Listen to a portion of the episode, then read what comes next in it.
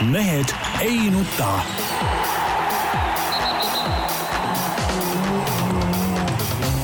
mehed ei nuta. selle eest, et mehed ei nutaks, kannab hoolt Unibet, mängijatelt mängijatele. tere teisipäeva, nagu ikka, Mehed ei nuta eetris. Tarmo Paju Delfist, tervist! Peep Pahv Delfist ja Eesti Päevalehest, tervist! Jaan Martinson Delfist, Eesti Päevalehest ja igalt poolt mujalt. samas tuleb öelda, et, et meil on siiski siin praegu esmaspäev, esmaspäeva lõunakanti.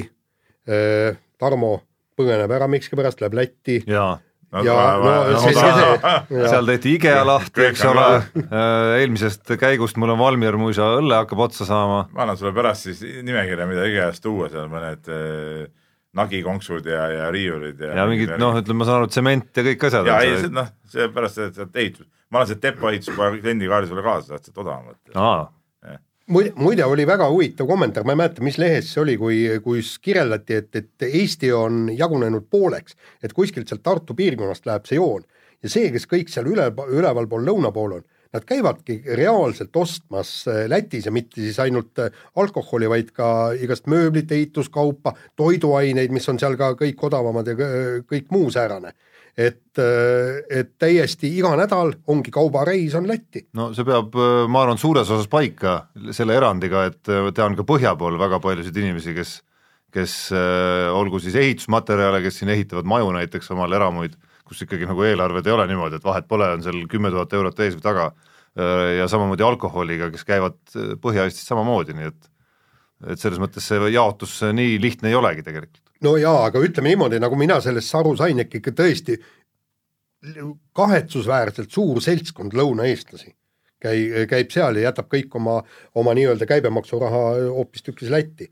aga kui me siin veel poliitika juurde tagasi tuleme, eelmine saade vist me rääkisime Igor Gräzinist, Tarmo, sa natukene vaidlesid selle vastu ja kõik nii, ja nüüd Igor Gräzin, no pagana õiget juttu räägib, ta on seal Euroopa Liidu, kus iganes ta seal on, eks ju, parlamendis, komisjonis, mis, mis iganes. Ja vaata, kui tulid need ungarlaste äh, probleem, eks, et äh, hakati nii-öelda probleem, nii-öelda probleem hakati neid kottima, siis äh, Igor Gräzin ütles, see ei huvita mind, mida teevad ungarlased ja see ei tohiks huvitada ka Euroopa Liitu. absoluutselt, see ongi, see ongi asja point nagu, mis õiguse võtavad mingisugused kuradi sakslased, ma ei tea, austerlased, hollandlased, rootslased, ma ei tea, kes iganes Eh, võtavad endale õiguse hakata seal kellegi asju otsustama. igaüks teeb ise, mis ta oma riigis teeb, suveräänsed riigid või ei olegi enam suveräänsed riigid, tuleb välja. ja, ja kusjuures mulle tuli kohe pilt silme ette, siis kui Eesti ütles, et me tahaksime saada nüüd vabaks Nõukogude Liidu alt ja siis kutsuti kohe Arnold Rüütel vaibale, Gorbatšov sõima, sõimas teda pool tundi, on ju, ja, ja, ja ongi, et Gorbatšov küll paha, eks ole, aga nüüd on aga nüüd on eh, Euroopa Liidu mehed on head, kui nad ja. ungarlasi seal kotivad ja poolakaid veel peale kaubavad. no ütleme, see, mis Ungaris toimub, mind ka isiklikult jätab suhteliselt külmaks, aga see, miks ma Igor Gräzini osas üldse midagi nii-öelda teile vastu ütlesin, oli pigem see, et te nägite seda nagu tohutu aatelise sammuna, tema suurt igatsust sinna ükskord minna, et mulle tundub, et see pigem on pragmaatiline, nii nagu ma näen nüüd ümberringi tohutut poliitpragmaatikat toimumas. Äh, mitte nagu väga aadete nimel, ma arvan, et siin vahetatakse erakondi, hüpatakse ühest teise ja see kõik noh, Peep muidugi kindlasti nende puhul, kes siin EKRE-sse on hüpanud ja see on väga populaarne maandumiskoht, kuna Riigikogu kohti hakkab juurde tulema kõvasti võrreldes eelmise korraga. ei, mulle üle, sa tead, mulle üle jooksikut ei meeldi. Äh, kindlasti võib-olla tahab ja, vastu vaielda, on ju, aga noh, praktikas, eks ole, noh, meie spordikuulsus Baruto ka, tema ei hüpanud küll üle, aga hüppas Keskerakonda poliitikasse lihtsalt, saan aru, et tal taustal on Riigikogu koht tegelikult vist üsna garanteeritud, arvestades, kuhu tal on lubatud, et ta valimisnimekirjas saab olema, et nüüd on nagu see aeg hakanud ka pihta, mis on nagu noh, tegelikult on, tegelikult on suhteliselt nõme aeg, olgem ausad. partei vahetamine tähendab alati selgrootust ja tegelikult peaks olema, partei vahetamine peaks olema nii nagu eh, vaata nagu spordis mõnedel aladel on see kodakondsuse vahetamine tähendab seda, et sa ei saa kaks mingi, aastat ei saa võistelda. kaks aastat saa võistelda. ja endine, eelmine partei peab loa andma, vaata. ja nüüd on samamoodi, nii, lähed praegult ära, nendel valimistel ei ole võimalik osaleda ja siis äh, järgmistel jälle vaatame uuesti, eks ole, noh, ehk siis peaks vahele jätma nii kohalikud rajooni meistrivõistlused, eks ole, eks kohalikud valimised ja, ja, ja Eesti meistrivõistlused ehk siis Riigikogu valimised ja siis alles, kui need mõlemad ühe korra vahele jäänud, siis saad jälle kandideerida. vot see oleks nagu õige tegu partei vahetajale. Vot siis ma- ei ole niisugust selgrootust. ja noh, see kogu see mõtteviis ongi nagu selle pragmaatika peal, et kus ma saan, kus mul on nagu tõenäolisem, et ma saan, pääsen kuhugi, et äh, sattusin autoga sõites, ma päeva ei mäleta, mis päev see täpselt oli, Kuku raadiost kuulama äh, intervjuud, pikem saade oli, kus Jevgeni Ossinovski andis intervjuud ja seal saate juht siis ka esitas seda konstruktsiooni, rääkis Kristiina Kallase valikust, kas minna sotsidesse või, või siis teha see Eesti kakssada, on ju, ja, ja siis võttis selle kokku sellega, noh et eks siis äh, valimised nüüd näitavad, et kas ta tegi õigesti või mitte, on ju. noh, tegelikult äh, nagu õige valik peaks see olema, mille sa südamärgi teed, kus su vaated rohkem nagu klapivad, mitte see, et kas sa nüüd said nagu selle kaudu sinna kohale või sa ei saanud. Ei absoluutselt, nõus sinuga, aga mis puudutab, tuleme ikkagi nüüd Gräzini juurde tagasi, siis on, miks on hea, et Gräzin seal on, vähemalt paljastab neid eh, telgitaguseid sealt ja, ja, ja, ja näitab asju nii nagu, nagu nad tegelikult on, mitte, mitte aja niisugust nii-öelda peavalumeedia joga, mida, mida ka siin meie, meie väljaanded siin muidugi, kus meiegi töötame, suure õhinaga muidugi teevad, mida on nagu mõnikord täitsa kole lugeda.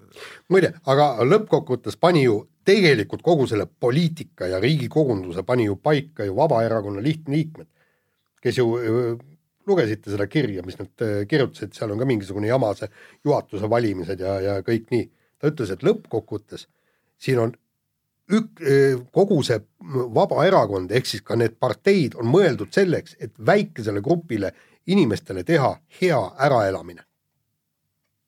ja tegelikult see ongi nii. tegelikult see ongi nii. lihtsalt, et mingisugune kamp saaks korralikult pappi ja, ja saaks mängida riigi valitsemist. no nii on. nii, Nii, kuule, aga lähme aga- spordi juurde, Läheme spordi juurde ja räägime Ott Tänakust ja Türgi rallist. uuest valitsejast. uuest valitsejast jah, ja Peep, sina oled just nüüd Türgist eh, tulnud, nägu niimoodi mõnusalt pruun, päevitunud ja, ja kõike muud. jah, kivi oli äh, motofestivalil saadud kivi ja selle armid on ammu juba ununenud, paranenud, aga see kivi tegi oma töö ära, Peep. kusjuures eh, reedel Ott Tänak, kui eh, slikerdas seal oma üheksandal kohal ja mina läksin vahepeal seenele, sellepärast et noh, et ma ei tahtnud ennast närvi ajada nende splittide vaatamisega. ja, ja, ja siis Peebuga helistasime, rääkisime ja siis ma ütlesin, et näed, et, et teooria, et üks kivi, mis vastu pead tuleb, et see noh, nagu öö, kustutab kõik võlad, ei. Et et tuleb iga, veel üks kivi iga saada,, iga ralli eel nagu üks kivi. Jaan eksis, eks ole. aga nagu alati ma eksisin jah põhimõtteliselt kui seda ei oleks tulnud, oleks Peep pidanud enne iga järgmist rallit, kuhu ta läheb, oleks pidanud ikkagi nii-öelda kivi otsima minema. jah, jah, kivi ja vastu muud moodi pead ei saa, siis me oleks võinud appi tulla kindlasti. Õnne, õnneks on, õnneks ja kahjuks on minu jaoks, selleks oleks ralli MM-hooaeg lõppenud. Enne tähtaegselt lõpetasin, lõppu jätan Jaani teha, nii et ma ei pea minema ka kive otsima.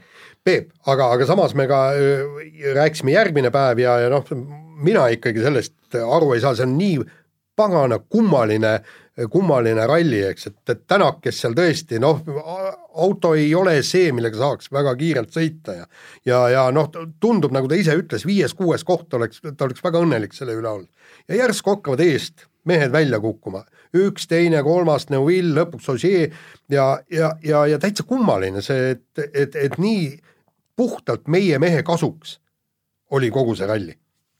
no see on kummaline jah, et meie, meie kasuks, meie mehel oli õnne palju, aga, aga, aga mis, mis nagu on nagu oluline, on see, et ma nagu Oti käest küsisin ka pärast rallit, et noh, et kas nüüd võib nimetada sind ikkagi nagu praegult rallimaailma valitsejaks, et kuna sa oled eh, võitnud kolm viimast rallit ja kõik väga erinevad rallid, siis ta ise küll väitis, et mingit valitsemist selles ei saa juttugi olla. et jah, Soome ralli oli väga hea, aga Saksamaal oli seal kõva võitlus esikoha pärast ja nüüd eh, Türgis ei olnud auto piisavalt hea ja, ja oli nagu õnne hästi palju. et mingist valitsemisest nagu, nagu selles kontekstis rääkida ei saa, ta ütles. no mis mõttes tal õnne oli, tähendab, ütleme niim- tal niimoodi, oli õnne, et tal oli õnne eelkõige, et teised ta ise tunnistas ka, et tal oli õnne, sest et see oli ikka selline ralli, kus, kus ju autod eh, purunesid ka ütleme mõnikord sõites mitteoleneval põhjusel. no jaa, aga Ogier ütleme, ena- sõitis puhtalt vastu puud ilma igasuguse enne seda õnneta tal. oli ikkagi ka ju selge ebaõnn ja, ja, ja miks see võib-olla see äh, liigne kiirustamise asi tal tekkiski, sellepärast et ta kaotas ju aega kõvasti. aga, aga no mis sai nagu, mis, mis selle äh, ralli tegi nagu huvitavaks äh,. minu arust Jaan, sa ütlesid ka seal jälle, ma ei mäleta, me telefonis rääkisime paar korda ralli ajal, et kas sellist rallit ikka on üldse vaja, eks Just täpselt. nii, aga minu arust just ongi vaja, ralli ei läinud ikka kuradi steriilseks viimasel ajal, noh, praktiliselt ju mingeid äh, siukseid, kuidas ma ütlen, nagu vahejuhtumeid ei olnudki, et kõik, kes startisid umbes, kõik jõudsid lõppu, sõitsid, midagi ei juhtunud, aga ralli tähendab ikka seda, et, et no oli sul kes seda,, kes katkestab, kes sõidab välja, kellel läheb auto katki, et, et noh, seda siukest virvarri peaks nagu rohkem olema, et eh, see ei ole sileda asjade peal mingi ringraja nühkimine, kus, kus eh, juhtub nagu harva mingeid asju, tead noh, et nii No. nagu stardist minema lähevad, nii lõpuni sõidavad, ralli tähendab ikkagi ju ekstreemsetes oludes kihutamist ja see tähendab ka autode lõhkumist ja, ja, ja ka eksimusi ja muid asju. Ja selles suhtes eh, Türgi ralli nagu kalendrisse lisandumine oli minu arust nagu suurepärane, et see tõi nagu selle, selle vana ralli värgi tõi nagu tagasi. siin sa nüüd räägid muidugi endale vastu, sest alles umbes pool tundi tagasi ütlesid sa, et eh, no viimane päev ajas lausa haigutama. no viimane et, päev, siis enam midagi eriti juhtunud. ütleme, eelistaks siiski, eelistaks siiski iga kell vaadata sellist rallit nagu no ma ei tea, Sardiinias kas või kus kaks paremat omavahel null koma mis sekundiga no see oli- lahendasid asju lõpuni välja. see oli hea, seal oli see, see põnevus, aga mis ma ütlen, et see reede ja laupäev just sellega, et nii palju oli nagu muutusi ja kogu aeg nagu asjad pöördusid selle pea peale, see tegi selle võistluse nagu põnevaks, see oli nagu huvitav. No Peep räägib, kes nüüd on siis äh, number üks tiitli pretendendid, kas sa Ogier, kes ei ole viimasest kuuest rallist äh, pea, kes on kuuel viimasel rallil ainult üks kord olnud poodiumil ja on punkte saanud seitsekümmend Ott Tänaku saja üheksateistkümne vastu. kas tema on üldse enam suures mängus, kolm On. rallit on jää- jäänud on. no aga kuidas ta on, kui ta on kaotab, Tänakule ainult kümne punktiga. ta kaotab Tänakule öö, kümne punktiga, ehk aga siis piisab sellest, kui Osee võidab eh, järgmise ralli, Tänak on teine ja siis on juba sellest eh, kümnest eh, eh, viis ja, ja kaks ehk seitse juba maas, eks ole. aga, aga mis annab eeldada, Tänak, kes on võitnud neli rallit, kus ei ole nii-öelda probleemid, temast sõltumatud probleemid mängu sekkunud, ta on kõik neli rallit nüüd võitnud.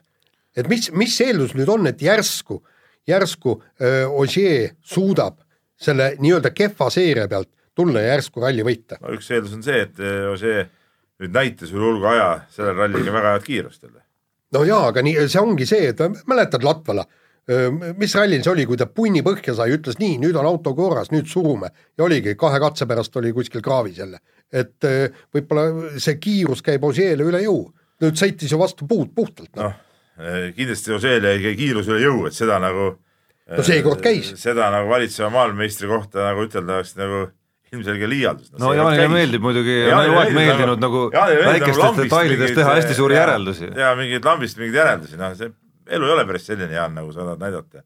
fakt on see, kolm meest on ees eh, ja kolm meest, Neuvill, Tänak, Osee on, on MM-tiitli mängus ja, ja võimalused on kõigil, kõige parem võimalus on Neuvillil loomulikult. jah, ja kõige rohkem mina näiteks kardan küll öö, Neuvilli, sellepärast et Neuvill on tõesti hästi mina kardan kõige rohkem Tänakut, sest ta on, nagu sa ise ütlesid, kõige parem, jah, kui tal auto korras on. no just, aga, aga Neuvill oli ka, ega kardad? ei no see, noh, nii, nii-öelda kardan, noh, no küsimus pigem on, kas Neville kardab Tänakut, kindlasti kardab. et no ikka metsik hulk punkte on kolme ralliga tasa tehtud. ja, ja, ja pluss samas-, pluss veel teadmine, ma usun, et mingis mõttes nagu pinget läks tal võib-olla maha, et ta nägi, et ta on nüüd näinud, et päris igal rallil see Toyota ei ole nüüd nagu teisest maailmast. samas äh, mõne ralliga suudeti ka päris suur punktivahe ära kaotada Tänaku poolt. ka mitte endast olenevatel põhjustel, aga ikkagi, nii et noh, ei tea ju, ma ütlen, me ei tea, mis, mis saama hakkab, mis saab Suurbritannias, mis äh, olud seal on, mis saab äh, Kataloonias, Austraalias, noh. jah, Jaan võib siin ütelda, et need on kõik rallid, mis äh, Tänakule sobivad, aga Tänak ei ole neist ühtegi rallit veel oma elus võitnud. no veel üks ki- kiirelt üks asi, mis oli jällegi võib-olla kummaline, võib-olla üllatuslik, oli see, et, et ralli eel ju räägiti, kuidas Toyota vastu peab. et kuumuse pro- probleemid olid nii Sardiinias kui ka me see Mehhikos, kuulmise probleem on nagu lahendatud. see on lahendatud, teine asi oli siis see, see vastupidavuse probleem, et kuidas, kuidas see nüüd on, selgub, et väga hea. väga hea. Ja, ja probleemid olid kuigi ralli eel ütlesid seal nii mitmedki inimesed, et tegelikult Hyundai on siis nii-öelda nagu tank, et, et sellega midagi ei juhtu, aga näe, juhtus küll. jah, ja, ja See juhtus juhtus kõvasti. no okei okay,, Padon äh, sai nagu enam-vähem okeid läbi, aga juhtus nii Neuvilli kui Mikkelseniga, eks ole. Mikkelson sõitis ka ju rataskäis ja lipa-lopa seal. jah, et eh, tundub, et Toyota on tõesti kiire, vastupidav, nii kiire muidugi nüüd sellel rallil ei ole, järgmistel rallidel peaks olema kiirem, et, et noh, ütleme, hooaja lõpp on igal juhul ääretult põnev, laseme kõlli ka või? lase kõlli. Lähme kiire vahemängu juurde ja tohoo, Eesti taotleb kahe tuhande kahekümne esimese aasta korvpalli EM-i ühe alagrupi korraldusõigust. et, et see tuli nagu ku- kuskil, vaata, kui võrkpall on kogu aeg rääkinud, et ta on taotlenud, tahtnud korraldada kõik nii, kas korvpall on ka? tegelikult on, sellest on juttu olnud varem ka siin mõne, mõni aasta tagasi, aga, aga ei ole nagu jutust edasi päris asjaks nagu läinud, et siin on see nii-öelda saali mahutavuse teema on justkui nagu tulnud äh, nagu seinana ette ja ma saan aru, et äh, noh, see küsimärk on, see ongi kõige suurem küsimärk selle meie taotluse juures oota, aga mi- milles küsimus? taotlus Riigikogule viis miljonit eh, tõstame ehitada natuke seda Saku Suurhalli katust kõrgemale no absoluutselt, ei no, no miks mitte? Noh, häda on selles, et äh, Eesti sada on nüüd läbi ja nüüd mis, mis sündmusega sa nüüd seod selles? kaks tuhat kakskümmend üks, mis ta on Eesti siis? sada üks või ei, see on jah, ei, see on kolm aastat, 103, sada kolm. ja Eesti sada kolm, miks mitte? ei, mis mõttes, seal on ju olemas ümmargune number, taasiseseisvumise aastapäev ja ümmargune, kolmkümmend, jah, korras. mõtlesime praegu välja siin stuudios. tervikuna ma, ma olen natuke, kuidas ma ütlen, noh, see väga sellised kahetised eh, tunded tekkisid mul sellest. kõigepealt, kui ma lugesin, et eh, Keijo Kuhi käis Fibas, Fibas, seda avaldust sisse viimas, ilus pilt oli, naeratus ja kõik need asjad. aga mul oli esimene küsimus, kas akende värgist ka rääkis või? et sellest koondise asjast, eks ole. midagi selle kohta ma ei kuulnud nagu midagi, seal käis mingi üksteise seevitamise mingi jutt nagu tuli igalt poolt välja. et, et seda me ei kuulnud sealt. teiseks, palju see kõik maksma läheb, eks ole, et kas, kas see Eesti ja, ja, ja ütleme, kas see energia, mis seal läheb, kas see on nagu praegu eh, punkt number üks, mida peaks Eesti korvpallis tegema või on siin nagu muid eh, küsimusi, mida oleks vaja nagu lahendada tegelikult Eesti korvpallis? no et siin nagu see on nagu, okei okay,, ma saan aru, et jaa, kui see tundub- toimub, siis ta Peep- propaganda mõttes on nagu hea ja kõik on tore, aga teisalt jälle noh, ma ei tea, ma näen siin nagu suuremaid murekohti kui see turniiri korraldamine. no mulle Peep tundub siiski, et see ei tohiks, et see raha aspekt ei tohiks nüüd küll siin praegu nagu takistus olla selles suhtes, et see võiks kui mitte korvpalliliidule eraldi, siis nagu tervikuna ja, ja tänu sellele peaks muidugi midagi vastu ka tulema, peaks see olema nagu Eesti riigi jaoks kasumlik projekt, nii nagu Rally Estonia ja ja mis meil iganes siin veel suuremad võistlused on, et see toob oleneb, kes jalgruppi mängima tulevad no.. no see kõik, nagu sa tead, käib ka mingite pakkumiste sahker-mahker, nagu see korvpallivärk no on nagu see korvpallivärk on, eks ole, aga noh, vaimusilmas mõelda, et Eestis toimuks alagrupp, kus näiteks õnnestuks saada veel Soome ja Leedu näiteks alagrupi vastasteks endale, see oleks ikka päris uhke, uhke ja nutine värk. no ütleme ma niimoodi, arvan, et mõlemaid nagunii ei saa. noh. no ei tea seda ju. Sõltub ju, sõltub, kellele nad antakse esiteks juba. no kui me mõtleme Soome ja Leedu alagrupi vastaseks, me nagunii edasi ei saa. peame võtma ikka nõrgemad endale, et saaks edasi. ei no sa pead ikka, see käib ikka tugevusgruppide järgi ka natukene, et mitte lihtsalt võta nüüd Bulgaaria, Holland ja Jah. ja siis mõne veel, kes ei pääsenud ka võib-olla, äkki saab ka. muide minu meelest ikkagi tuleks neid suurvõistlusi meile siia tuua ja, ja vaadake, mis Lätis toimub, jäähoki mm oli seal, seal oli korvpalli EM, isegi maadluse EM toimus. Mis toimus nüüd sel nädalavahetusel?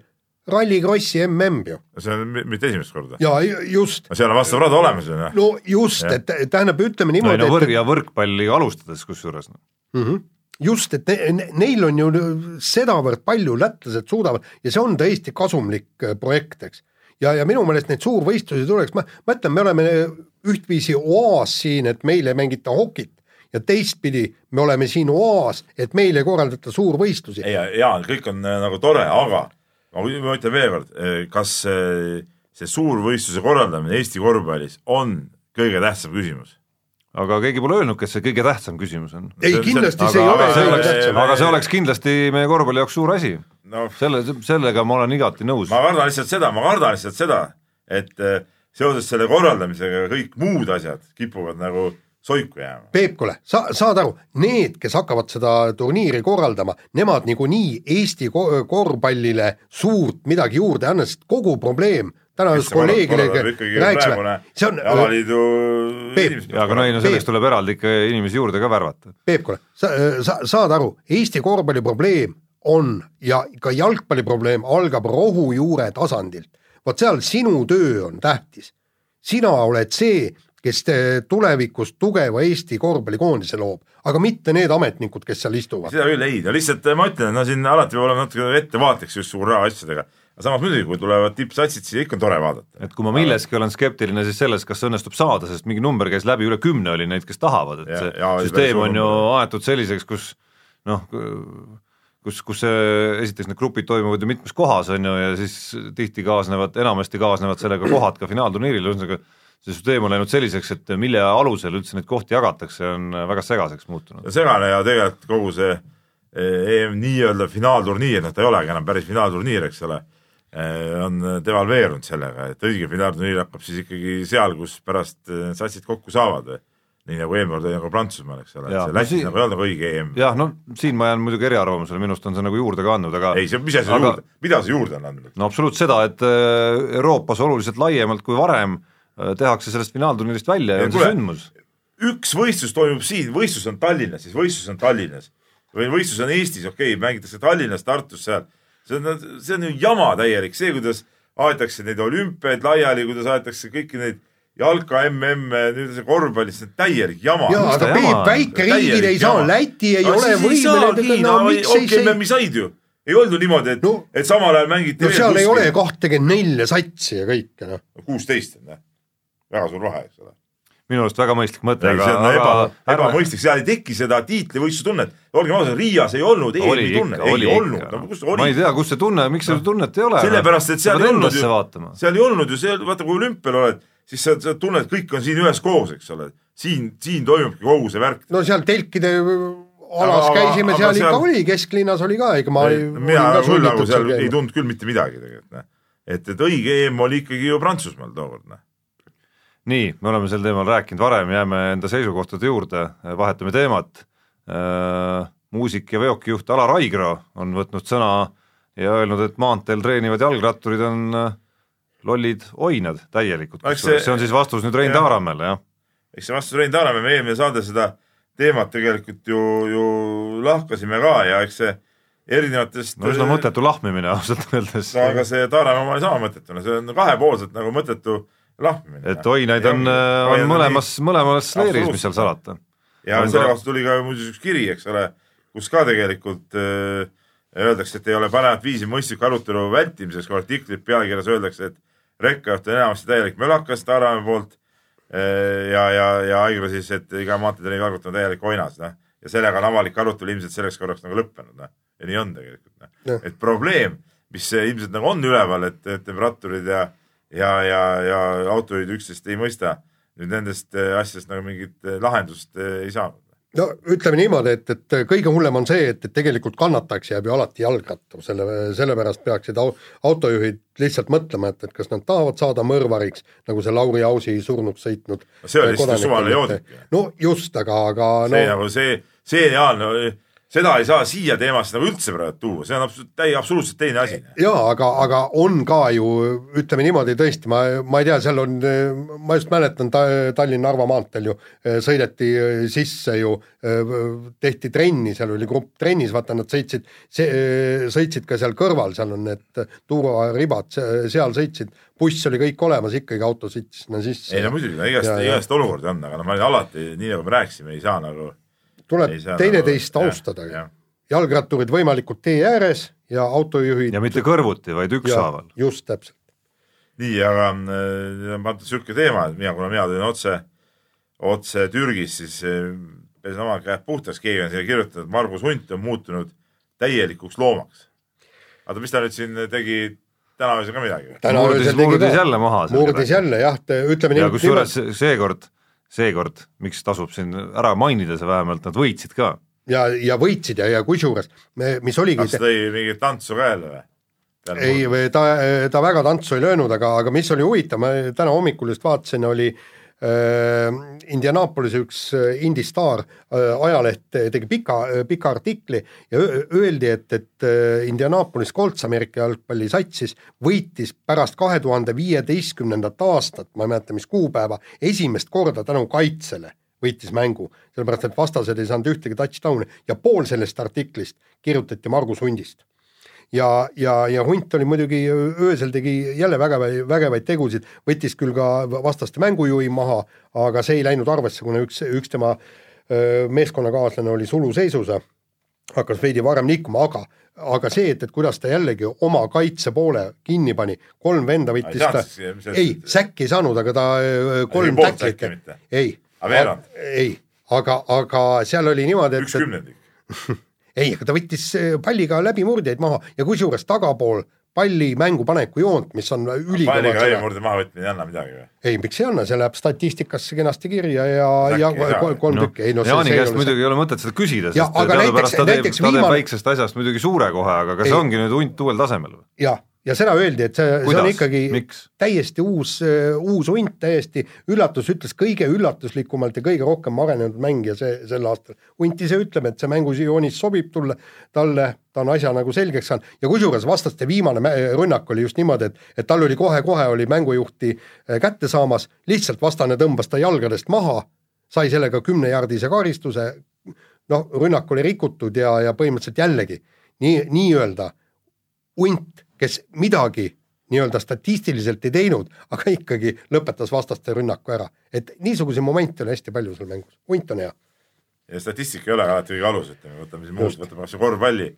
võib-olla mõne mehe statistika ei olegi alati nii hiilgav, aga tegelikult ütleme see, kuidas ta platsi peal on ja, tegutseb, on nagu palju olulisem kui see mingi statistikariba seal tegelikult. just, nii, aga lähme järgmise teema juurde ja jälle korvpall ja initsiatiivgrupp tahab Tartu Rocki ja tippkorvpalli tagasi Tartusse tuua.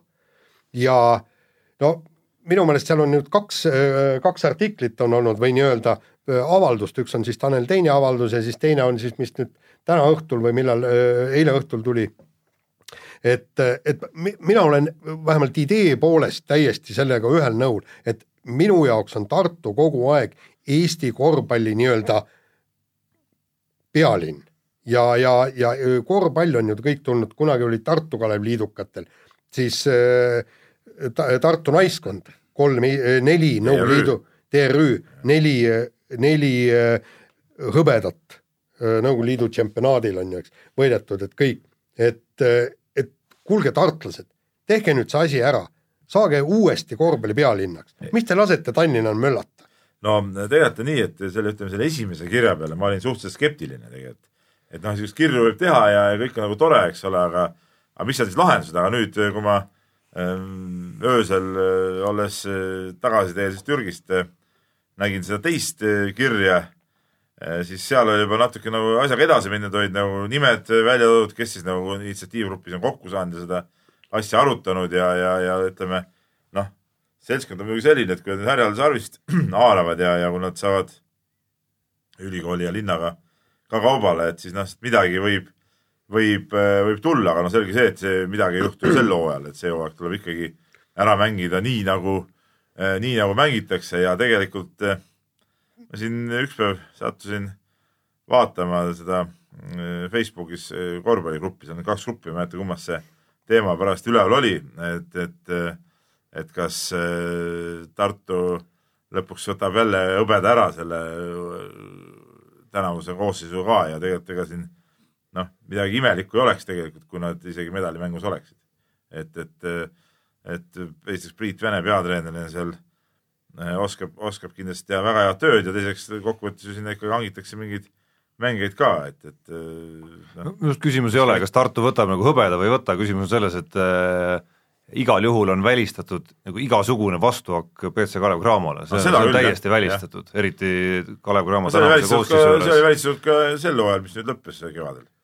No mitte nii välistatud. okay,, korra nad võitsid. siiski isegi, eks ole, aga aga uuel suures hooajal pildis oli ju selge, et nad seeriat selle võistkonnaga nagunii et ütleme noh, ütleme selles satsis nüüd nagu tippkorvpalli mõistes, mis praegu on ja selles eelarves selles nagu, nagu, nagu ambitsioonikust ei ole tegelikult. ja, ja seda muidugi, See on see ei, seda muidugi, seda muidugi.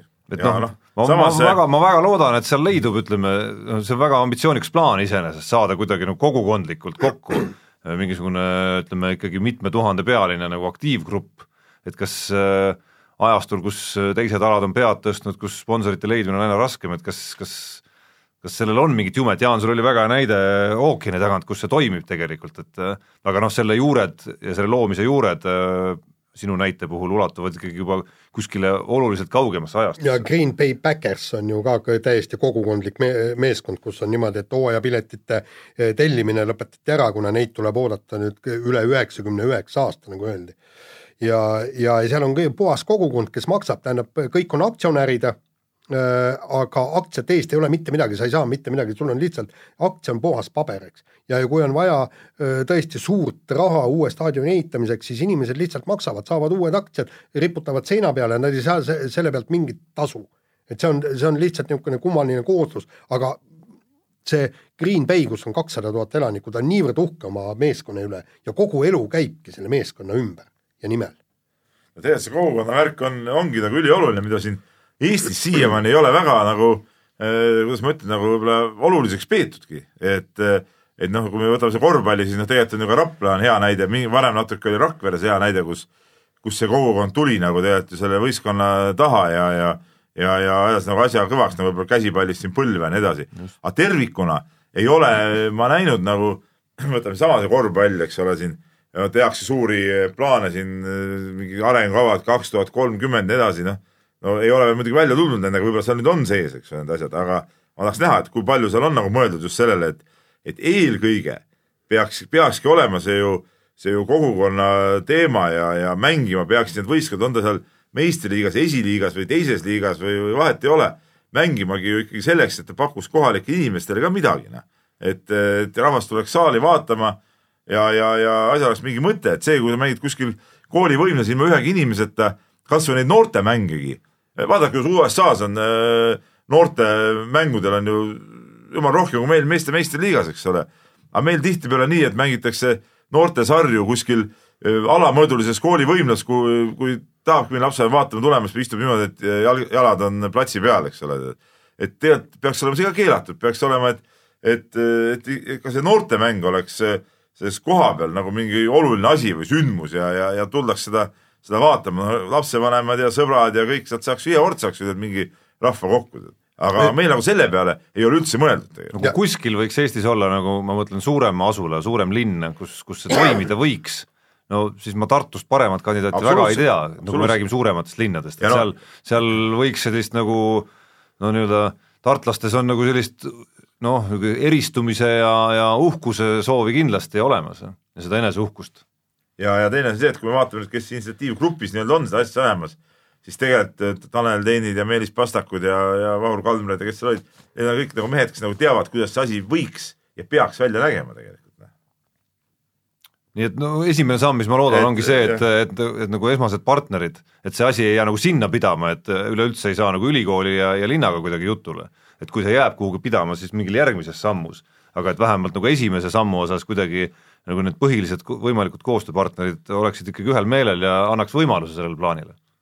seda enam, et ülikoolil tundub endal äh, nagu tippkorvpalli ambitsiooni nagu väga ei ole ikkagi. aga viimane teema kiires vahemängus, Kevin Maier kümnevõistluse maailmarekord, üheksa tuhat ükssada kakskümmend kuus punkti. no selle peale tekib alati see mõte, et, et kogu aeg olen nagu mõelnud, et kaheksa tuhat on nagu nüüd see mingi level, kus noh, näiteks kaheksasada punkti mehed, need on nagu kümnevõistlejad, eks. no temal oli üheksa jalaga kaheksa tuhat nelisada kopikatega koos. Et noh, et üheksa tuhat ükssada kakskümmend kuus punkti, üle tuhande punktisest rohkem sellest levelist. noh, aga mis need teised mehed siis üldse punnitavad siis noh, tekib see küsimus. Nojah, aga kõigil ei ole, kõik ei ole säärased talendid, kui, kui sa vaatad seda venda, on ju, eks, et noh, ta on ideaalne kuju kümnevõistluse jaoks ja kui ta on veel tehniliselt andekas, kiirust on kõike, kõike muud on, see, see on umbes niimoodi, et, et pane Erki Noolele kümme senti otsa ja ma arvan, et ta oleks sealt ka rahulikult üheksa tuhande punkti mees saanud, eks. No. tema, temale ja palju tal nii väga puudu jäigi, eks et, et, et see ongi see, et, et ühest küljest on vaimustav vaadata seda, seda, neid tulemusi, vaatad ja no tohho tillai, eks. aga teine asi on noh, sama selle, ta võtab noh, nagu selle, kuidas nüüd öelda, et selle konkurentsi kaotab nagu ära, et, et tema on nii pikalt ees, et mäng käibki teises liigas, tema on ainsana kõrgliigas ja kõik ülejäänud on siis esiliigas. vot see on halb jah, et kui see nii nagu Eaton oli omal ajal, eks ole, samasugune äh, valitseja, et noh, põhimõtteliselt või O'Brien oli enne.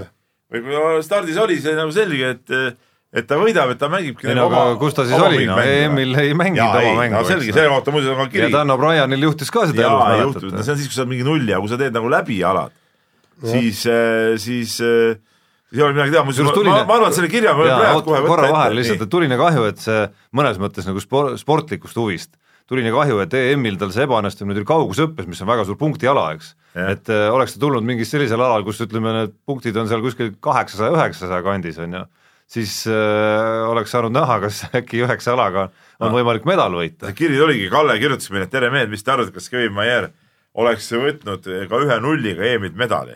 no ütlen, sõltubki, et mis oleks- alast oleks, mis ala jah, nullist nagu rääkida, selles ongi see vahe. null, et see, kuulitõuke null.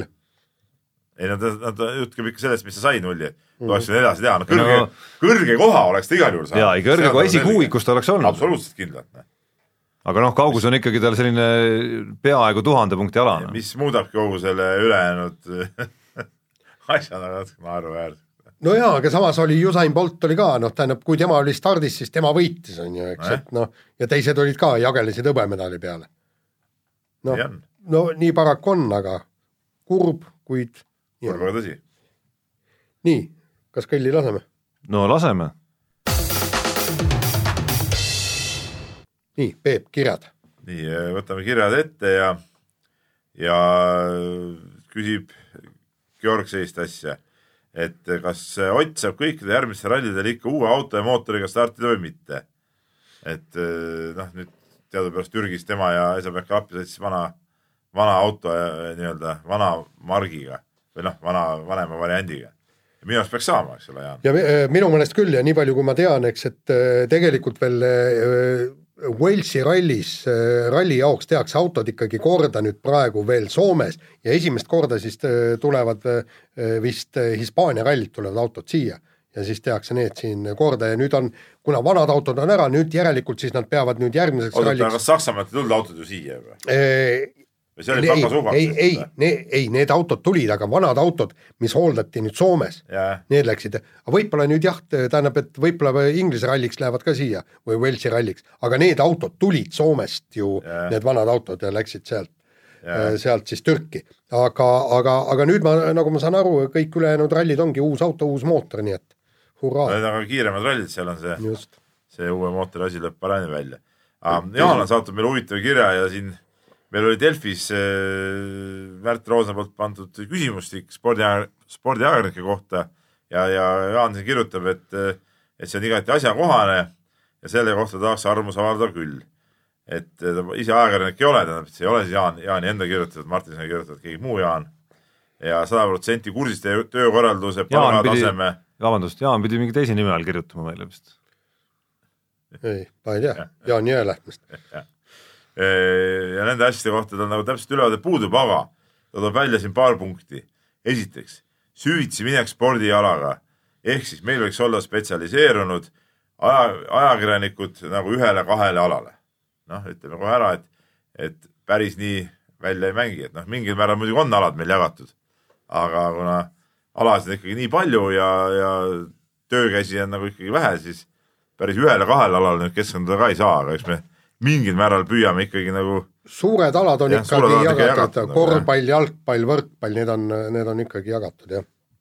nii no järgmine lihtsalt, lihtsalt see, kellel on jalgpall või korvpall, ei ole mõeldav, et ta ainult sellega tegelebki see- see ongi see, ei jah. ole nagu see mõeldav siis et. eh, sa ei saa olla nii, et jah, sa tõesti, ma ei tea, käid igal jalgpalli või korvpallimängul ja siis siis teed sealt mingeid asju, et samal ajal on võib-olla kuskil väike maadlusvõistlus või, või noh, jumal teab mis, jah, kui küpselt salata ajakirjanikuna äh, noh, ei ütleks ära sellisest võimalusest kindlasti. ma mõni aasta tagasi tegin arvestuse ja ma olen kirjutanud olin tolleks hetkeks kirjutanud artikleid kolmekümne üheksal, kolmekümne üheksast spordialast. aga nüüd ma tean, et, et siis ma kindlasti kirjutan vigusuusatamisest ja nii, et, et on tulnud juurde, ma pakun välja kuskil neljakümne viiest eri spordialast, ma olen kirjutanud, ühesõnaga ma pean mingil määral ma muuseas arvan, et mul see number ei ole mitte eriti palju väiksem kui sul. ega, ega ei, kindlasti ei sest ole. et ausalt öeldes ma eh, praegu su jutu ajal hakkasin mõtlema, et eh, kas on, mis alad üldse pole, on sellised, millega ei ole kunagi teinud, no kokkuvõttes selle Kelly Sildaruga ma olen teinud elus Jah. paar intervjuud, eks ole, et noh, nii on, nii on. noh, vibulaskmised, Ja vibu- karateed, absoluutselt, maadlused, vettehüpped, ma ei tea, mis kõik, kõik asja. imevigurid on ära tehtud, et noh, et, et siin polegi, polegi midagi teha. nii, aga lähme edasi selle kirjaga, see on äh, huvitav kiri. Teine asi, mis ta välja toob, ülepositatud hurraa suhtumine. sulgudes on, kurat vaikselt hakkab pinda käima juba Kalkuni, Tiiseri ja Järvela jalka hullus, kui Eesti kaotab a la Saksamaale neli-üks ja tsitaadid on, tegelikult oli hea mäng. see ei käi ainult jalka kohta, on ka muid näiteid jah, paraku ta niimoodi on, et äh, aga, aga siiski noh, meil on tunne ja me siin äh, jällegi täna tuli natukene jutuks äh, Eesti jalgpallikoondis, et, et kuidagi see jalgpallikogukond on, on, on liiga lojaalne sellele jalgpalluritele, aga samas korvpallikogukond on ka täpselt samamoodi, et ega sealt ka väga, väga harva tuleb niisugust piitsutamist, no viimasel ajal natukene on, on tulnud, et no see ongi täpselt, mul jäi eile näiteks silma, oli Siim Semiskar väga tublilt veab äh, portaali korvpalli kakskümmend neli. väga hea asi, väga kogu aeg äh, vaatan seda, soovitan kõigile, aga mis mul hakkas silma eile pealkiri. Äh, Eesti korvpallurid tulevad Serbiast püsti päi või midagi, noh. see on mingi miinus kakskümmend kuus või? või mis see sott oli seal ja kusjuures vahe mängiti väiksemaks lõpus, kui, kui midagi enam kaalul ei olnud, siis hakkasid järsku viskad sisse minema. et noh, see ei olnud nagu päris äh, päris asjakohane, et, et okei okay,, jah, seal üksikud nii-öelda mängijad võisid teha enda kohta häid sooritusi, aga no me ei saa nagu, nagu hõisata või, või sama asi oli jälle, kui see jalgpall mängis Soomele, noh kaotati seal Soomes null-üks jälle, jälle Eesti langes mingi võideldes ja ma ei tea, mis asja, no tegelikult mäng oli nii igav, et ma jäin telekate vahepeal magama ja mingit võitlust seal muidugi Kusjuures eriti ei toimunud. mina jäin konkreetselt ja. magama, aga selleni me jõuame. selleni jõuame nii. no, oota, ma panen selle kirjaga siin on, siin on maganud meil kõik eelmisel nädalal ja nii jalgpalli, kes jalgpalli, kes korvpalliseltsist. oota, ma, Peep, ma natukene veel täien-. täienda, täienda, ja, ja, ja. tahtsin täiendada seda, et, et ütleme niimoodi, et, et väga keeruline on nüüd ajakirjanikul, kuna see spordikogukond on nii, nii väike et kui mujal piiri taga võib-olla ajakirjanik kirjutab nii, et ta seda sportlast ei näegi konkreetselt, võib-olla pressikonverentsil küsib kaks-kolm sõna, sest meie oleme ninapidi alati koos. ja siis, kui sa tahad nagu sitasti kirjutada, noh jämedalt öeldes, nii-öelda kriitikat teha ja, ja midagi negatiivselt, siis selge see, et sa pead selle sportlase juurde ka ühel hetkel minema. ja siis sa pead tegelikult olema väga tugev persoon, et noh, ma, ma ise olen kogu aeg mõelnud seda, et ma alati suudan, pean suutma oma põhjendused ära põhjendada. ja, ja, ja ma olen ka valmis seda ja ma olen ka teinud seda sportlastega. mul on tulnud kõnesid, ma olen teinekord vaielnud pool tundi ja teinekord on läinud nii, et mina jään oma seisukohtade juurde, tema jääb oma seisukohtade juurde, mille peale ma siis ütlen, aga paraku pastakas on minu käes ja mina kirjutan nii, eks. et see on minu arvamus. kui sa tahad, palun kirjuta ja ma avaldan kindlasti oma arvamuse ja kusjuures on ka avaldatud, eks. ja eks seal on olnud aegu küll, kus noh, a la lähed äh ütleme, Jaanil on selles mõttes see nagu hästi õige tähelepanek, et see, sa pead olema nagu ikkagi seesmiselt hästi tugev sellises olukorras. et neid olukordi küll ja küll olnud, kus kus ja tagantjärele vaadates ütleme noore ajakirjanikuna, ega see kõige lihtsam olukord ei ole ja ma näen kõrvalt praegu noorte ajakirjanike pealt ka ja mitte ainult spordis, vaid tegelikult ka muudel elualadel, kus, kus ütleme, selline nagu teinekord soov võib-olla nagu hästi läbi saada, siis äh, saab võitu nagu sellise nagu ajakirjaniku hinge ja, ja ajakirjaniku selgroo üle. et noh, tulles selle näite juurde tagasi, mis ma tahtsin tuua, et küll ja küll on olnud, lähed näiteks korvpallimeeskonna või korvpallikoondise järgmisele sõidule ja siis oled lennukis seal nendega nii-öelda seltsis ja kõigil on sinu nii-öelda artiklid käes ja siis on seal need hinnete lehed on kõrval, eks ole, ja siis poole satsiga pead nagu läbi arutama ja põhjendama, miks ikkagi hinne oli kolm, mitte neli näiteks. on, on olnud niisuguseid asju küll ja küll. nii, aga kiiresti võtame kirja, muidu läheb liiga pikaks kõik see asi meil. siin on veel punkt sellest, et, et rohkem äh, tuld alla otsustajatele ehk siis igastele EOK inimestele, igast nendele, kes poliitik, endised sportlased lähevad poliitikuna Riigikokku ja nii edasi, et tuleks nagu rohkem äh, neid äh, survestada ja, ja oma, oma asju nagu tegema no ütleme niimoodi, et tulud, tulu, on küll, aga õige, aga see on täiesti tuluta ettevõtmine, ma, ma olen siin aastate kaupa ju, no tõesti kolmkümmend aastat ajakirjanduses olnud ja, ja ma olen seda EOK-d kottinud, kui on igasugused probleemid kõik, ega lõppkokkuvõttes mitte midagi ei muutu et, et ja, ja, ja üldse vaata, et teinekord kõik see, noh, mis ma olen südameasjaks võtnud, ikkagi see noorte liikumine ja kõik nii. ja ma olen sellest kirjutanud kümneid artikleid ja kõik, eks. mina ei suuda ma olen igale ühele öelnud, Martinson ei suuda seda maailma pöörata. et ma, maailma suudavad pöörata kõik koos, kui kõik hakkavad kuidagimoodi mõjutama riiki, ma ei tea, EOK-d, kõik omalt poolt. mina oma artikliga, noh, ma ise, ma ei löö isegi vett sogaseks aga mul on endal vähemalt südames hea, et ma olen oma asja välja lisaks Jaan veel teeb ettepaneku, et rohkem peaks olema huvitavaid lugusid rahvaspordist. et see selline asi annab inimestele palju inspiratsiooni ja mõtteid ise ka teha ja sellist asja peaks spordiajakirjanikud rohkem kajastama. mitte meie nulltasemega suusatajate lambivõistluste tulemusi. no aga põhimõtteliselt see, rahvasport on ka tulnud päris kõvasti rohkem pildile, ütleks mina. aga, aga tulnud, aga ajalehed, samas jälle ütleme, mingid erilist lugejamenu muidugi need eh, rahvaspordilood no välja arvatud, välja arvatud ikkagi need päris suured üritused. ei no okei okay,, see on nagu teine asi jaa, aga me räägime, et kui me hakkame nüüd rääkima mingist eh, ma ei tea, Kapa-Kohilas elavast eh, Ansust, kes eh, tegeleb seal mingite asjadega, noh siis mõnikord jah, see võib olla väga hea lugu, see on õnnestub väga hea pealkirjaga maha müüa, siis, siis ta võib minna, aga kui ta seda mingit väga särtsakat pealkirja ei saa, siis ütleme, see sisu võib olla iseenesest suurepärane ja inimene ka suurepärane. paraku seda nagu ei loe. muide, muide see, see vaieldi ju äh, ära minu meelest kakskümmend aastat tagasi veel, kui Gunnar Press meil öö, to, toimetuse juht oli, kui seal ka toodi ju igasuguste veteranide võistluste, noortevõistluste, kogu aeg räägiti, miks me neid ei avalda.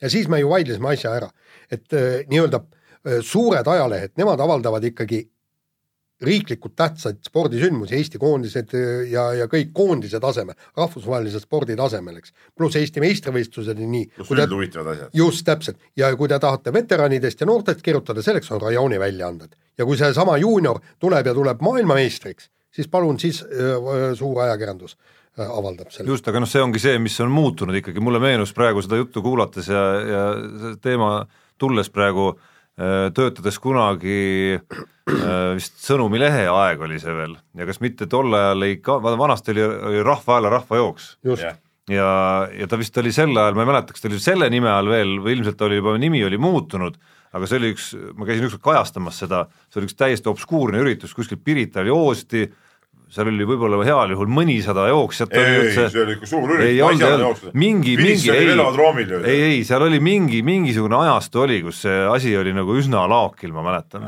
ja seal oli, kas äkki isegi ei olnud kaks jooksu korraga ja siis mingi selline Aa, faas okei, oli okei, seal. ühesõnaga see, see oli nagu selline kontrast võrreldes sellega, mida me näeme siin mitte ainult rahvajooksul, vaid rattarallidel ja rataste sarjadel ja igal pool ja, ja, ja noh, see ongi nüüd see koht, kus on pildile tulnud esiteks need üritused ja ka mingisugused nagu noh, jututeemad ja eeskujud selle käigus, Raivo E. Tammed ja president Kaljulaidid ja kõik need, et ma arvan, et see on väga suur asi. jah, no ütleme, et sel tasemel rahvasporti muidugi jah, eks me kajastame ka, aga aga mitte liiast. nii, kuule, Lähme nüüd, me oleme täitsa me nii umbes ajaga pole oma saate ajaloos kordagi olnud. Ja kusjuures pidime- kuigi meil ei ole ajapiirangut ees, aga ikkagi. nii äh,, Gerd Kanter lõpetas karjääri ja ühest küljest ikka tõesti öö, kurb. vaata, kui palju me öö, ekspluateerisime teda aastate jooksul spordiajakirjandus ja oli ka midagi kirjutada, ta oli ikkagi tegelikult ajakirjanikule väga tänuväärne tüüp. punkt üks võitis, punkt kaks rääkis head juttu, punkt kolm rääkis ka juttu mitte ainult spordist, kui sa tahtsid temaga noh, mingil muul teemal vestelda, alati oli nõus. no midagi peab olema äh, sportlases väga erilist, kui ta suudab Peebu sümpaatia võita oma karjääri lõpus, hoolimata sellest, et jääb täiskarsklaseks. nojah, lihtsalt eh, vanameistrid on ikka vanameistrid, noh, ja, ja kui mees nii kaua suudab ikka vastu pidada, siis, siis, siis ongi vägev, noh, lihtsalt, et tema karjääri alguses olid lihtsalt ees nagu eh, vanemad eh, mehed, kelle poolt ma siis olin ja lõpuks jõudis tema aeg kätte, aga ei, noh, ma olen, tead, millest see Gerd Kantri karjääri lõpetamise teema on nagu nii tühjaks imetud, et siit nagu midagi uut huvitavat öelda on raske, ma lihtsalt tuletan ka meelde, et ma olen näinud oma silmaga ära üheteistkümnest medalist kümne medalivõidud ehk teinud Gerd Kantrile kümme medali intervjuud pärast seda, nii et, nii et muidugi noh, see on suurepärane ja ma ei usu, et, et minu ajakirjaniku karjääri jooksul veel sellist eh, sportlast, kes sellist eh, medalite hunnikut eh, pakub, noh, ma ei pea siin silmas või ma ei tea, võib-olla Kelly Sildaru, kui ta mingi sada ala teeb, eks ole, ühel MM-il seal ja, ja võidab neid asju, aga aga Gerd Kanter, kes igal võistlusel teha ikka ühe võistluse ja igal suurvõistlusel ühe medali ainult võita, no ma usun, et niisugust sportlast enam tuleb lihtsalt. aga noh, see, seda on nüüd leierdatud küll, aga ma arvan, et äh, see ongi asi, mida tulebki leierdada, ma arvan, nagu ette, söögi ette, söögi taha, seesama tõdemus, mis Gerd Kanteri karjääri lõpetamise puhul jäi sealsamas seminarilgi kas või kõlama, ehk siis äh, noh, sama Robert Harting võttis selle minu arust ühte lausesse kokku, et kõva töö võidab alati talenti, kes ei tee tööd. see peaks olema see mantra, mida kõik noored Jaa, sportlased, korvpallurid, sul jalgpallurid, kõik riputavad seina peale kuskile, enne kui nad endast midagi arvama hakkavad. jaa, absoluutselt, see on, see on kõige õigem, jah. ja, ja mis minule jäi lõpuks äh, nii-öelda näppude vahele kõikidest nendest juttudest, see on tegelikult fenomenaalne. Mingi suvaline kutt kuskilt Eesti, no ma ei ütle, et kolkast, aga üsnagi. järsku ühel hetkel ütleb, et mõtleb, et temast saab ketta heita. tal esimesed tulemused olid, mis see, kui ta Palginõmme juurde või kuhu ta trenni läks, kolmkümmend viis meetrit, on ju. nii, ja, ja lihtsalt vend ütleb, et nii. olude sunnil, korvpallurit ei saanud, just, ja, ja nüüd võtab selle kätte kätte ja, ja täiesti suvaline, tal ei ole treeninggruppi mitte midagi, ainult oma tahtmise peal. Olümpiavõitja, maailmameister, üksteist medalit, suur sportlane, kõik. Et nüüd mõelge kõik need äh, lapsed, kui te võtate endale sellise eesmärgi, kui teil natukenegi on talenti, aga palju talenti töö tegemiseks, jumal teab, mis sellest kõigest võib just, ja ma veel täiendan seda mõtet nüüd korra veel. Ja see ei puuduta üldse sporti ainult, et ma olen siin kõrvalt näinud noh, kas või Jaan, sinu poissi näiteks on ju oma fotograafia harrastusega, mis iganes, muusikud, kunstnikud, mis, mis iganes alal enda täiendamine ja viimine nagu otsuse ja töö tegemise küsimus. no just. minu kord yeah., Eesti jalgpallikoondis, null üks, seitseteist pealelööki, väga kõva. ja neist üks raamidesse. no no mis ma oskan ütelda, no sai enne ka ära, ära öeldud siin, et no mina ei tea, Eesti jalgpallikoondise mängude vaatamine on nagu sihuke kuidagi, kuidas ma ütlen nagu MM-i taustal, mis suvel oli, on ikka nagu kuidagi nagu nukker või igav, ma ei oskagi öelda. muidugi ei saa eeldada, et see oleks samasugune tase nagu, nagu nendel tippvõistkondadel, aga, aga no väga vähe on nagu seda siukest hasarti või, või, või siukest no,, mis, mis, mis nagu pakuks seda siukest vaatamise mõnu nagu. no siia ongi nagu ka eelmise nädala jutule väga vähe lisada, et mäng oli täpselt samasugune nagu esimene mäng yeah et, äh, et kiire värav vastastelt ja, ja noh, sinna see, sinna see kõik sinnapaika nagu jäigi, eks. et tõepoolest nagu hästi nõme olukord mõnes mõttes, et mänguliselt tõesti vaatad, et noh, minu jaoks isegi nagu üllatavalt nagu head mängupilti suudab Eesti tõesti näidata, et noh, ma ei suhtuks nii irooniliselt nendesse, kes kuidagi seda nüanssi on ka esile toonud, aga kui ees ikka üldse ei ole mingisugust sellist nagu meisterlikkust, et, et seda mängupilti kuidagi ära realiseerida väravateks, siis siis no siis ei ole lihtsalt mitte midagi teha, kui oodata, millal meil tuleb mõni niisugune mees.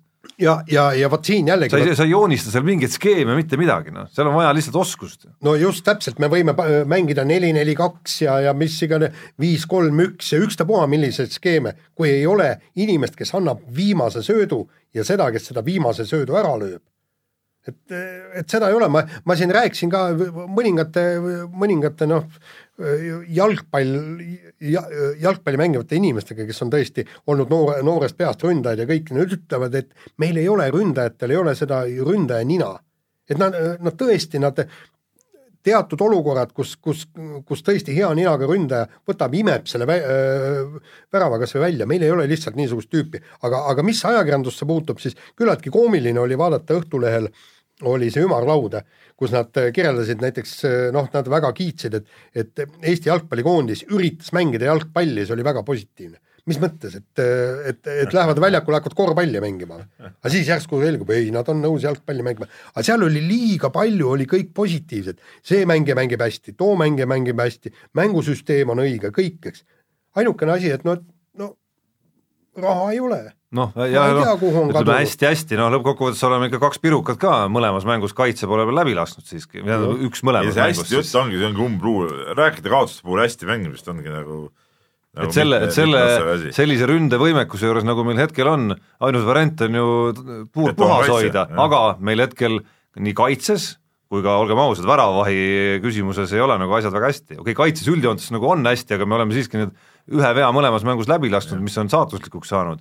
ja, ja väravavahi olukord tundub üle aastate kõige hapram üldse, kui Mihkel Aksalu on on oma kodumeeskonnas nüüd langenud teiseks väravavahiks. ja, ja ma tooksin siia nüüd selle korvpalli äh, ka nüüd sisse, me kohe hakkame rääkima korvpallikoondisest, siis minu meelest oli jällegi Õhtulehes oli see vist äh, härra Treieril või kellel oli see hea kommentaar, et äh, korvpall saab häbiväärselt tappa praegu, aga kui me hakkame asja nagu vaatama tuleviku suhtes, siis tegelikult on korvpallil lootust rohkem sellepärast et seal on noori mängijaid, kes võivad kunagi sellest sitast välja ronida. aga võtta jalgpallikoondis, just täna jällegi asjatundjatega rääkisin, Mattias Käit, kõik. ja rohkem mitte, mitte ühtegi noort ega mitte kedagi, kes võiks kunagi selle asja nagu ära lahendada, hakata väravaid lööma, kõik muud. et, et, et see on nukker jalgpallis, kõige vanem koondis. ja, ja, ja kas see ei suuda mängida? aga noh, see on see lugu, mida mina ootan ikkagi Eesti spordiajakirjandusest, et tuleks lugu, mis räägiks ära, kus see, mille taga see siis on, harrastajate algu, hulgad, lapsed, tohutud arvud. no aga ma, nagu rahad ma siin tohutud, mis tulevad peale, investeeritakse, on investeeritud. no aga seda ma ju kogu aeg räägin, see on rohujuure tasand, sealt hakkab pihta. Just need, kes teevad kõige väiksematega tööd ja lähevad sealt edasi. et seal tehakse, seal luuakse neid ründajaid, kes löövad väravaid. aga mul on tunne, et me peame vehklemisteema vahele jätma seal ei ole nagu midagi, väikse vahemärkuse ütlen, ma tulin just lennukiga praegult äh, Türgist äh, ja, ja nägin küll alles Tallinnas seda, et olin sama lennuki peal Igor Tšikinoviga, kes ma eeldan, et tuli Usbekistanist, eks ole, ma, kus ta on koondise peatreener uh. -huh. aga ma nägin ta ka eemalt, ta juba võttis seal kohvri ja, ja läks juba välja, aga, aga lihtsalt see lihtsalt väike selle teema vahemärkus, et, et, et treener. üleendine Eesti koondise peatreener. meil otsitakse peatreenerit ja meil on hiilgav mees nagu olemas, aga ta ei taha sihukeses seltskonnas seda tööd ilmselgelt teha. nii ja räägime korvpallist. ja laseme kõlli ka laseme kõlli. Nonii, Saksamaa koondise vastu täielik ämber ja ketukas ja, ja siis Serbia vastu pisut väiksem ketukas. samas, kui vaadata seda seltskonda, kes seal platsil ringi jooksis, mida me siis lootsime? Tiit Sokk ütles, et kui me suudame rütmis püsida terve mängu, siis on ka võimalus võita Saksamaa vastu. no, no on see tõsiseltvõetav jutt või? ma ei näinud seda Serbia mängu, oligi niimoodi, et me hakkasime tagasi vaikselt sõitma ja vaatasin ainult seda äh, kolleeg Ivar Jutsenko poolt tehtud online ülekannet tekstipõhist, ma ei tea, kas sa Tarmo kommenteerisid jälle või? jaa, ma kommenteerisin jah, et nägin ka ühesõnaga. no ilmselt siis küll jah, et aga, aga ma võin nagu rääkida selle Saksamaa mängu põhjal ja, ja, ja noh, Tarmo ilmselt nägi ka, kui frustreerunud ma olin, et äh, saatsin... sõnumid hakkasid ülekande ajal tulema ja vaatasin, telefon vilkus kogu aeg. et no jah, see oli, mis mind nagu häiris, asi ei ole ju selles, et me kaotame Saksamaale või, või Serbiale või ja, ja võib-olla see eilne mäng äh, oligi teistmoodi, aga mis mind häiris Saksa mängus oli see, et äh, kuidas ma ütlen, et noh, et kui noored mehed on platsi peal, eks ole, noortel on üldjuhul nagu mingi üks-kaks relva, millega üldse vastast lüüa, see on punkt üks on meeletu hasart, sihuke kiirus, võitluslikkus, noh, et sa nagu selle nii-öelda energiaga ja, ja särtsakusega teed tasa selle, et sul on võib-olla ma ei tea, füüsilist jõudu vähem, oskusi vähem, kogemusi vähem, et sa lihtsalt nagu, nagu teed vastase elu võimalikult raskeks, et sa oled tal noh, üle välja otsas ja, ja, ja no okei okay,, mängitakse üks-üks võib-olla seal üle ja nii edasi, aga aga, aga noh, sa pead põhimõtteliselt pead tegema nagu vastase elu võimalikult raskeks oma selle hasardi ja energiaga. seda ei olnud Saksamaa mängus nagu näha. ja teine asi, noh, mulle tundus, et ja, ja mulle üha rohkem hakkab tunduma, et Eesti korvpallikoondise nii-öelda treenerite staap võib-olla, kuidas ma ütlen, et sealt on puudu üks väga oluline lüli lihtsalt et sinna on võetud abitreeneriteks äh, Alar Varrak ja Indrek Visnapuu äh,. tehnokraadid. kes on jah, kes on kahtlemata väga, väga tublid mehed kõik ja jagavad korvpalli väga hästi, aga ühesugused mehed täiesti, noh, absoluutselt ühesugused mehed mõnes mõttes, noh. Ja, nagu sa ütled, tehnokraadid jah, et seal puudub see nii-öelda see sihuke motiveeriv tegelane, kes kunagi oli Andres Sõber selle koha peal, noh, ma ei tea, kas nüüd võiks olla Gerd Kullamäe selles rollis või, või noh, mingi sihuke mees, kes kes nagu seda siukest plaks-plaks, hurraa, mehed, paneme nüüd ka või noh, et, et see ei ole nagu maailma lõpp, mis toimub, aga ma nägin ainult seda, kuidas äh, Tiit Sokk oli, oli äh, noh, omas selles nii-öelda kipsis seal mängu ajal äh,. abitreenerid istusid seal omaette veel ja, ja seda siukest nagu tuge nendele mängijatele. et, et, et kuulge davai, et no võtame kokku, teeme, vot seda ma ei näinud. ja see on nagu jube oluline noortevõistkonnale, et see, et see sihuke toetav hasart peab tulema ka sealt treeneri pingi pealt. seda enam, et sellises olukorras, kuhu need mängijad, kes tulid kohale ikkagi, sattusid, noh, nad ikkagi, see võrdlus nii-öelda tanki panekuga ei ole nagu võetud niisama, nad tegelikult pandi tanki, muidugi au nendele, kes seal äh, ma ei tea, Maik Kotsargi, kes no igal juhul läheb võitma ja nii edasi, on ju, et noh, loomulikult sellise, loomulikult sellise suhtumisega noh, üldiselt tulebki nagu olla, on ju, mitte hakata ette soiguma seal ise, no siis on, siis on see asi nagu täiesti lootusetu. ja, ja nagu tore oli tõesti, et Serbia vastu noh, oli seda hasarti no ilmselgelt nagu rohkem natukene, aga nagu see tunne, mis kokku sellest nädalast nüüd jäi ja seal tehti mingeid kriisikoosolekuid vahepeal ja nii edasi, kuigi minu arust see kõik oli nagu hiljaks jäänud, et seda kriisikoosolekut oleks pidanud tegema juba, ma ei tea, kuu aega tagasi, kui oli näha, et need koosseisud no seda enam, et hakkavad ärimehed ise aru ei saanud, et see asi oli juba siis juba see, et see, et eh, noh, Eestil kindlasti ei olnud mingisugust võidulootust sellise koosseisuga Saksamaa ja Serbia vastu, kes, kes see oli ilmselge. noh, see oli, see oli nagu täiesti ilmselge.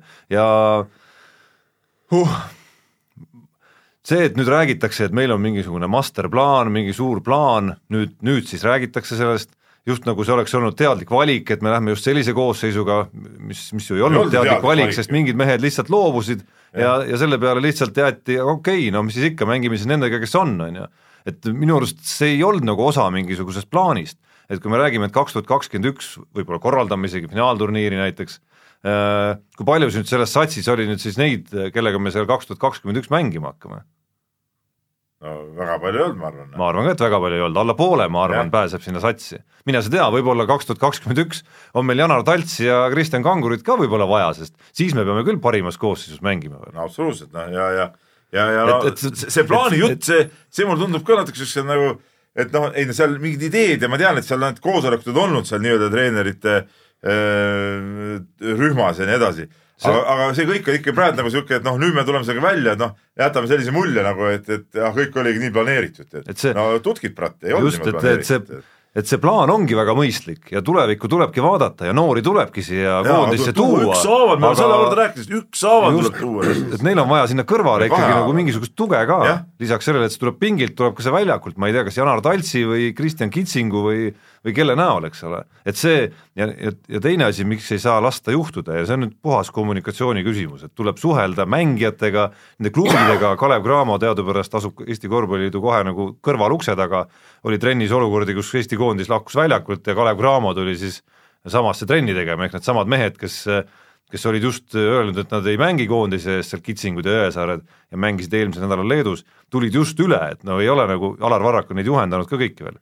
et inimesed on ju siinsamas, et võtke ja suhelge ja, ja, ja seda nii-öelda loobumise virvarri ja seda, seda loobumise mingit trendi, mis on tekkinud, see tuleb tegelikult nagu kohe läbi lõigata, sest muidu järgmises tsüklis ma arvan, võib-olla mõni nendest noortest ka, keda, kellega sa justkui tahad minna, ütleb, ei et no aga need osa noored ju praegu loobusid. just, aga võib-olla järgmine kord Raieste ja või Kullamäe ka Kaspar et Treier ju, kes oli koondises jälle üheksakümmend üheksa poiss nagu need eh, Raiested ja Kullamäed, tema ju jäi ka Itaaliasse, et tal on vaja nagu klubi juures nagu olla. just, ja kui, kui see tema oleks võiks olla küll üks siuke mees, kes masterplaani, just, siis tema oleks pidanud igal juhul kohal olema, oleks pidanud nui neljaks Noh. sõitma sinna kohale, rääkima treeneriga ära, et meil on väga vaja. noh. jah, no nii, sai lammutatud et see, et see, et, et vot seda vastutust äh, eesotsas, alustades Tiit Sokust endast, on vaja rohkem võtta ikkagi. kõige selle eest. nii, juttu ja see, ja see ei tähenda, ma tahan igaks juhuks, see ei tähenda selle masterplaani lammutamist, et see plaan ongi nagu väga õige, aga, aga mul on tunne, et see plaan päris ei peaks selline olema lihtsalt.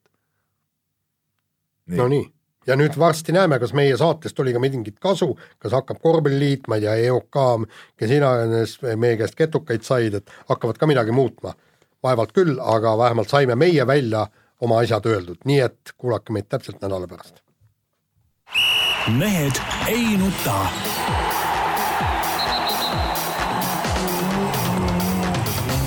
mehed ei nuta. Selle eest, et mehed ei nutaks, kannab hoolt Unibet, mängijatelt mängijatele